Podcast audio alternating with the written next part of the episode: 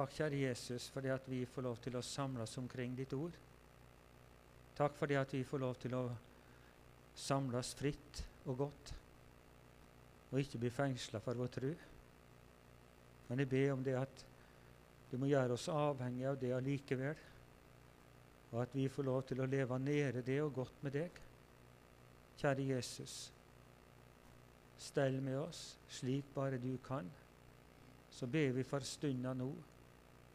Eller vi ber først for denne kvinna som har opplevd det å bli satt i fengsel for sitt tro.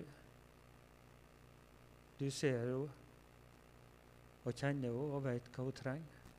Be om at du får lov til å finne en åpning også ut av fengselet, at hun kan få forandra dommen. Men fremfor alt må du styrke henne og bevare henne hos deg. Be for andre troende som er der i området. Kjære Jesus, må du velsigne de, styrke også dem, og la dem få lov til å være et lys i mørket.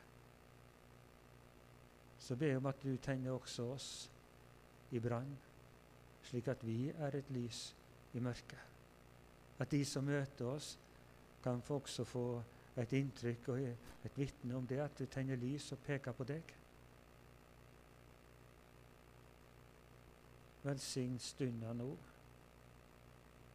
Møtes at du får lov til å gjøre det stille i vårt indre.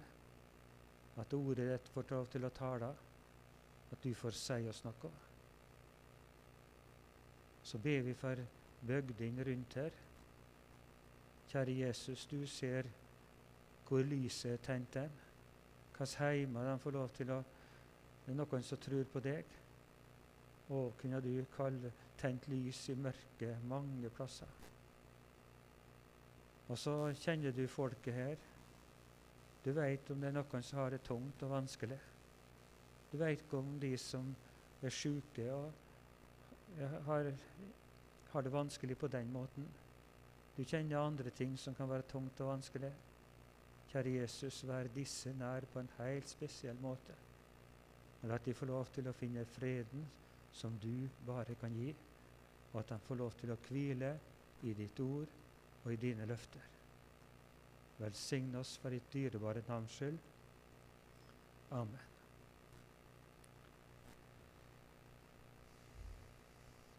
Ja Vi skulle ikke være så lenge i dag, forstår jeg, for at ungdommene kommer hit òg. Jeg tenkte å lese litt fra kapittel 53 hos profeten Jesaja i kveld. Men eh, jeg kommer til å dele den opp, så jeg kommer til å stanse litt i morgen også. Slik at det ikke, For dette er så mektig kapittel at eh, vi trenger litt tid på det. Og så så jeg litt på søndagsteksten og hvilken tekst jeg skulle bruke på søndag. Jeg ble rolig, og i hvert fall slik som det står nå, så kommer vi til å lese fra Jesaja da også. Da tar vi kapittel 55, så vet de om planene mine framover. I kveld og i morgen 53, og på søndag 55. Men nå leser vi Jesaja 53, 1-5.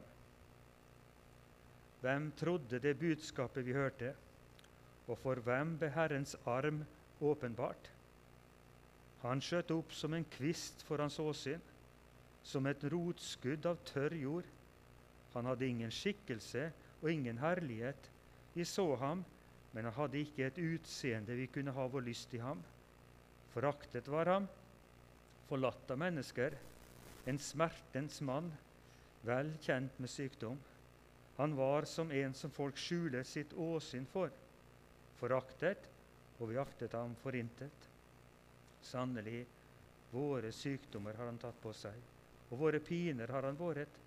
Men vi aktet ham for plaget, slått av Gud og gjort elendig. Men han ble såret for våre overtredelser, knust for våre misgjerninger. Straffen lå på han for at vi skulle ha fred, og ved hans sår har vi fått legedom. Hvem trodde det budskap vi hørte? Har jeg sett som overskrift over notatene mine. Dette henta jeg fra den fjerde sangen om Herrens tjener i profeten Jesaja. For det er på noen avsnitt der som er kalla for sanger om Herrens tjener. De andre står det bare Herrens tjener på, denne Herrens lidende tjener. For vi møter egentlig Jesus på langfredag i denne teksten. Men disse sangene om Herrens tjener de eh, er nettopp for at han skal åpenbare Guds herlighet, står det i 49. Du er min tjener, og på deg vil jeg åpenbare min herlighet. Guds herlighet blir åpenbart i Jesus. Men ikke alle så og trodde, for Jesu herlighet ble åpenbart i Jesu fornedrelse. Derfor så passa det ikke inn i tanken. Hvem trodde det budskapet vi hørte? Hvem forsto at det var dette som skjedde når Jesus døde? Likevel så er det der det skjer. Og vi leser i Johannes 1, 14, ordet ble kjød og tok bolig iblant oss, og vi så Hans herlighet, en herlighet som han har fra sin enbårne far, full av nåde og sannhet. Hans herlighet var ikke full av prakt og ære på den ytre sett, men av nåde og sannhet. Jesus ble herliggjort.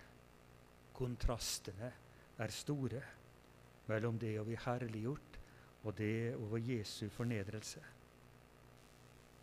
Tenk at han, som den eneste hellige som har vandret på denne jord, ble behandla slik som de gjorde med han. Forstår du det? Ydmyket ble han. Piska, slått, tornekrona og korsfesta.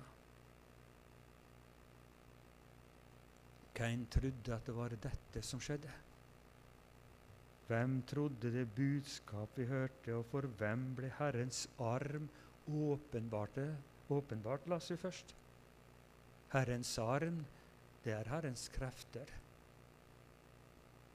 Hvordan ser vi Herrens kraft i det som skjedde på langfredag? Jo, den er utrolig mektig til stede. Men det var nok ikke mange som tenkte på det denne langfredagen når Jesus døde. For de så jo en person som ble mishandla. De religiøse lederne, de og Det høye råd og fariseerne de var glad at de ble kvitt Jesus. Fordi at han respekterte ikke de gamle forskrifter og utfordra deres, på deres tro og deres liv. Disiplene forsto det heller ikke, at det var dette som skjedde. For dem gikk alle deres forhåpninger i grus. De hadde jo store forventninger til, leser vi hos Emmausvandreren, til Jesus. At han var den som skulle forløse Israel. Og så har de korsfesta han. For et nederlag de menneskelig sett det så ut til å bli. Det er underlig med Jesus. Hans herlighet blir åpenbart i Jesu fornedrelse. Der Jesus var dypest nede, der ser vi Hans herlighet størst. Ja, for egentlig er det jo en ydmykelse å bli korsfesta. Slik tror jeg de fleste tenkte der. Og så likevel så er det der Jesus blir opphøyet, og vi ser han aller størst i sin gjerning på jord. Der Jesus er djupest nede, der vant han den største seieren. Tenk, eller som det står lenger ned, hvem tenkte i hans tid at når han ble utryddet av de levendes land, så var det for mitt folks misgjernings skyld plagen traff han. Hvem tenkte det? Hvem tenkte at det var dette som skjedde? Når han ble utryddet av de levendes land, så var det for mitt folks misgjernings skyld. Nei, det var ingen som tenkte på det. Ikke engang disiplene. Og når Jesus ble korsfesta, så var alt knust. De låste dørene, stengte seg inne av frykt for jødene, står det. De judeerne.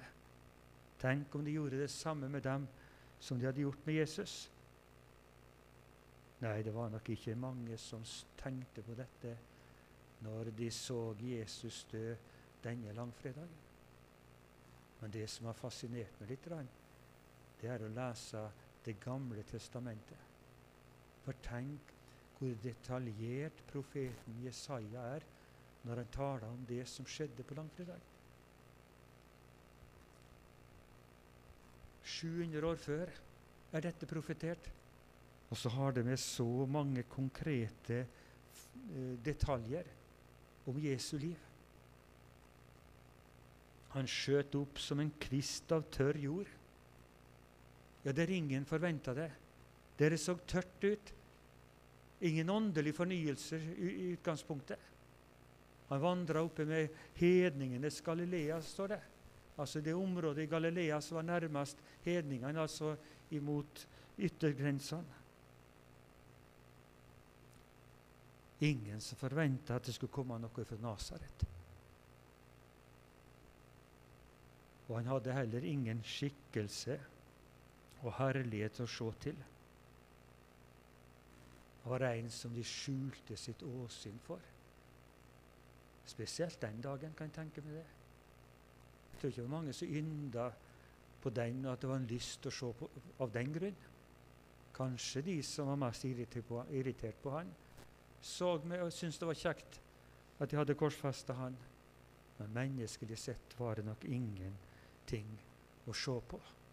En blodig, forslått, tornekrona person som hengte der på korset. Foraktet var han, en smertens mann. Ja, stemmer ikke det, tror du? En som folk skjuler sitt åsyn for, ja, foraktet, og vi aktet ham for ingen. Intet. Vi aktet ham for plaget, slått av Gud og gjort elendig. Og så dømte de han for Guds bespottelse. Nå fikk han den fortjente straff.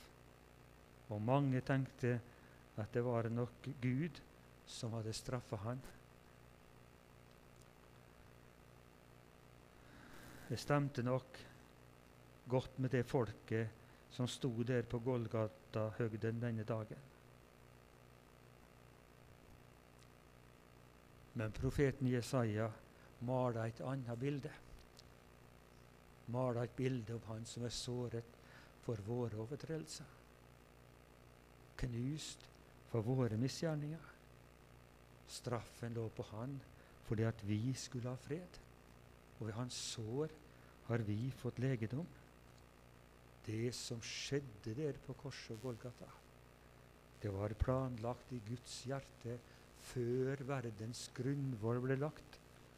Da ble jeg og du utvalgt i Kristus for at vi skulle være hellige og ulastelige for Hans åsyn. Det var ikke folkemengden som ropte 'korsfest, korsfest', som egentlig er grunnen til at Jesus var korsfesta. Nei, det var mine og dine synder, det. Det var dem som førte Jesus opp på korset. Og derfor lå til å se inn i noe som er ufattelig rikt. Straffen lå på han for at vi skulle ha fred. Og ved hans sår har vi fått legedom. Alt som skjedde denne påska, det var nøye planlagt i Guds hjerte da han skulle frelse syndere på denne jord.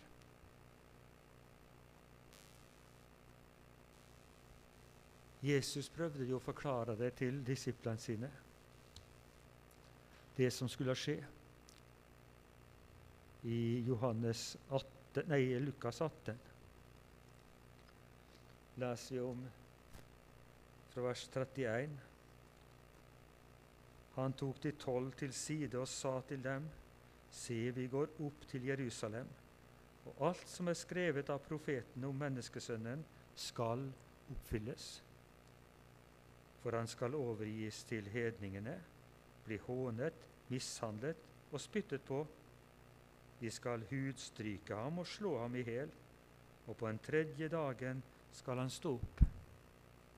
Så detaljert var Jesus før sin død. Alt som var skrevet av profetene om menneskesønnen, skal oppfylles. Og så siterer han alle disse tingene som skulle skje.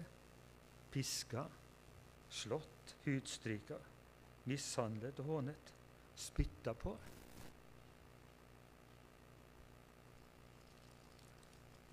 Disiplene står om at de forsto ikke noe av dette. Og dette ordet var skjult for dem.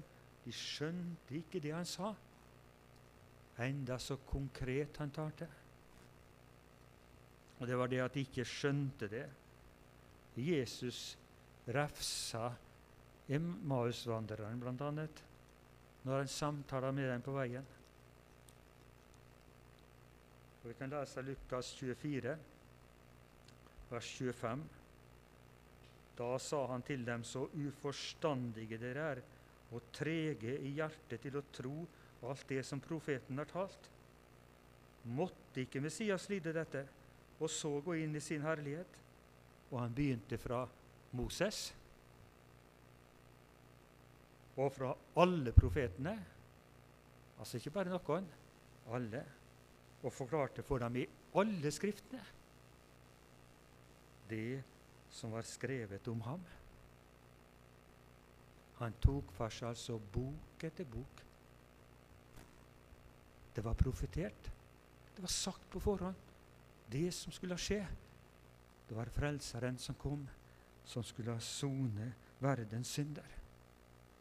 Men så trege og uforstandige de er, sier Jesus til dem. Trenger han å si det til meg og deg også? Ja, kanskje det. Vi trenger å få lov til å komme inn, at Han får åpenbare Skriften for oss, slik at deg og du også blir varm om hjertet når du får lov til å se hva det betyr for oss, dette som skjedde. Det er profetert. Det er sagt på forhånd. Det var ingen tilfeldigheter med Jesus sitt liv. Det var planlagt i Guds hjerte.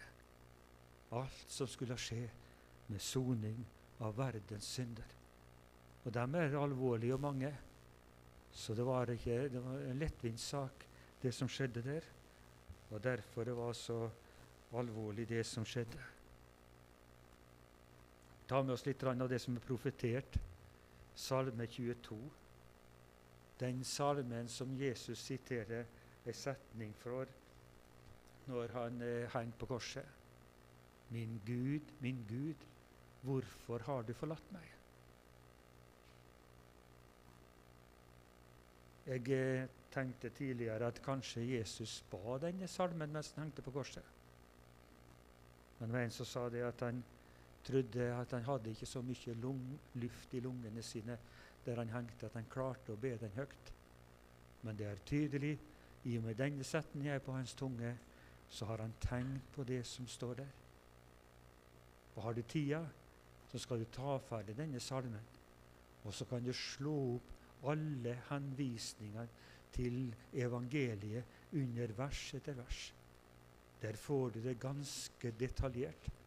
De gjennombåra mine hender. Og de, de kasta lodd om mine klær. Og de, eller de delte klærne mine og kasta lodd om en spinnkjortel. Finn det nøyaktig slik som det står. Ingen tilfeldigheter langfredag. Det nøye planlagt i Guds hjerte verden skulle bli frelst. Da tålte de ikke noe tilfeldigheter. Da måtte det skje slik at det ble fullkomment, det som skjedde. Vi så Hans herlighet, Hans storhet. Hvor ser du den? I Hans allmakt? Ja, litt ser du der òg. Men aller mest ser du det i Jesu nåde. I tilgivelsen. Det er der han er størst, og han er full av nåde og sannhet. Der han ydmyker seg aller mest. Ble fornedra, leser vi Filippebrød 2, lydig til korset. Derfor har også Gud høyt opphøyet han og gitt han det navn som er over alle navn, så til Jesu navn skal hvert kne bøye seg. Og de som bekjenner Jesu navnet. der skjedde det noe. Det er der han er størst, der han er djupest nede.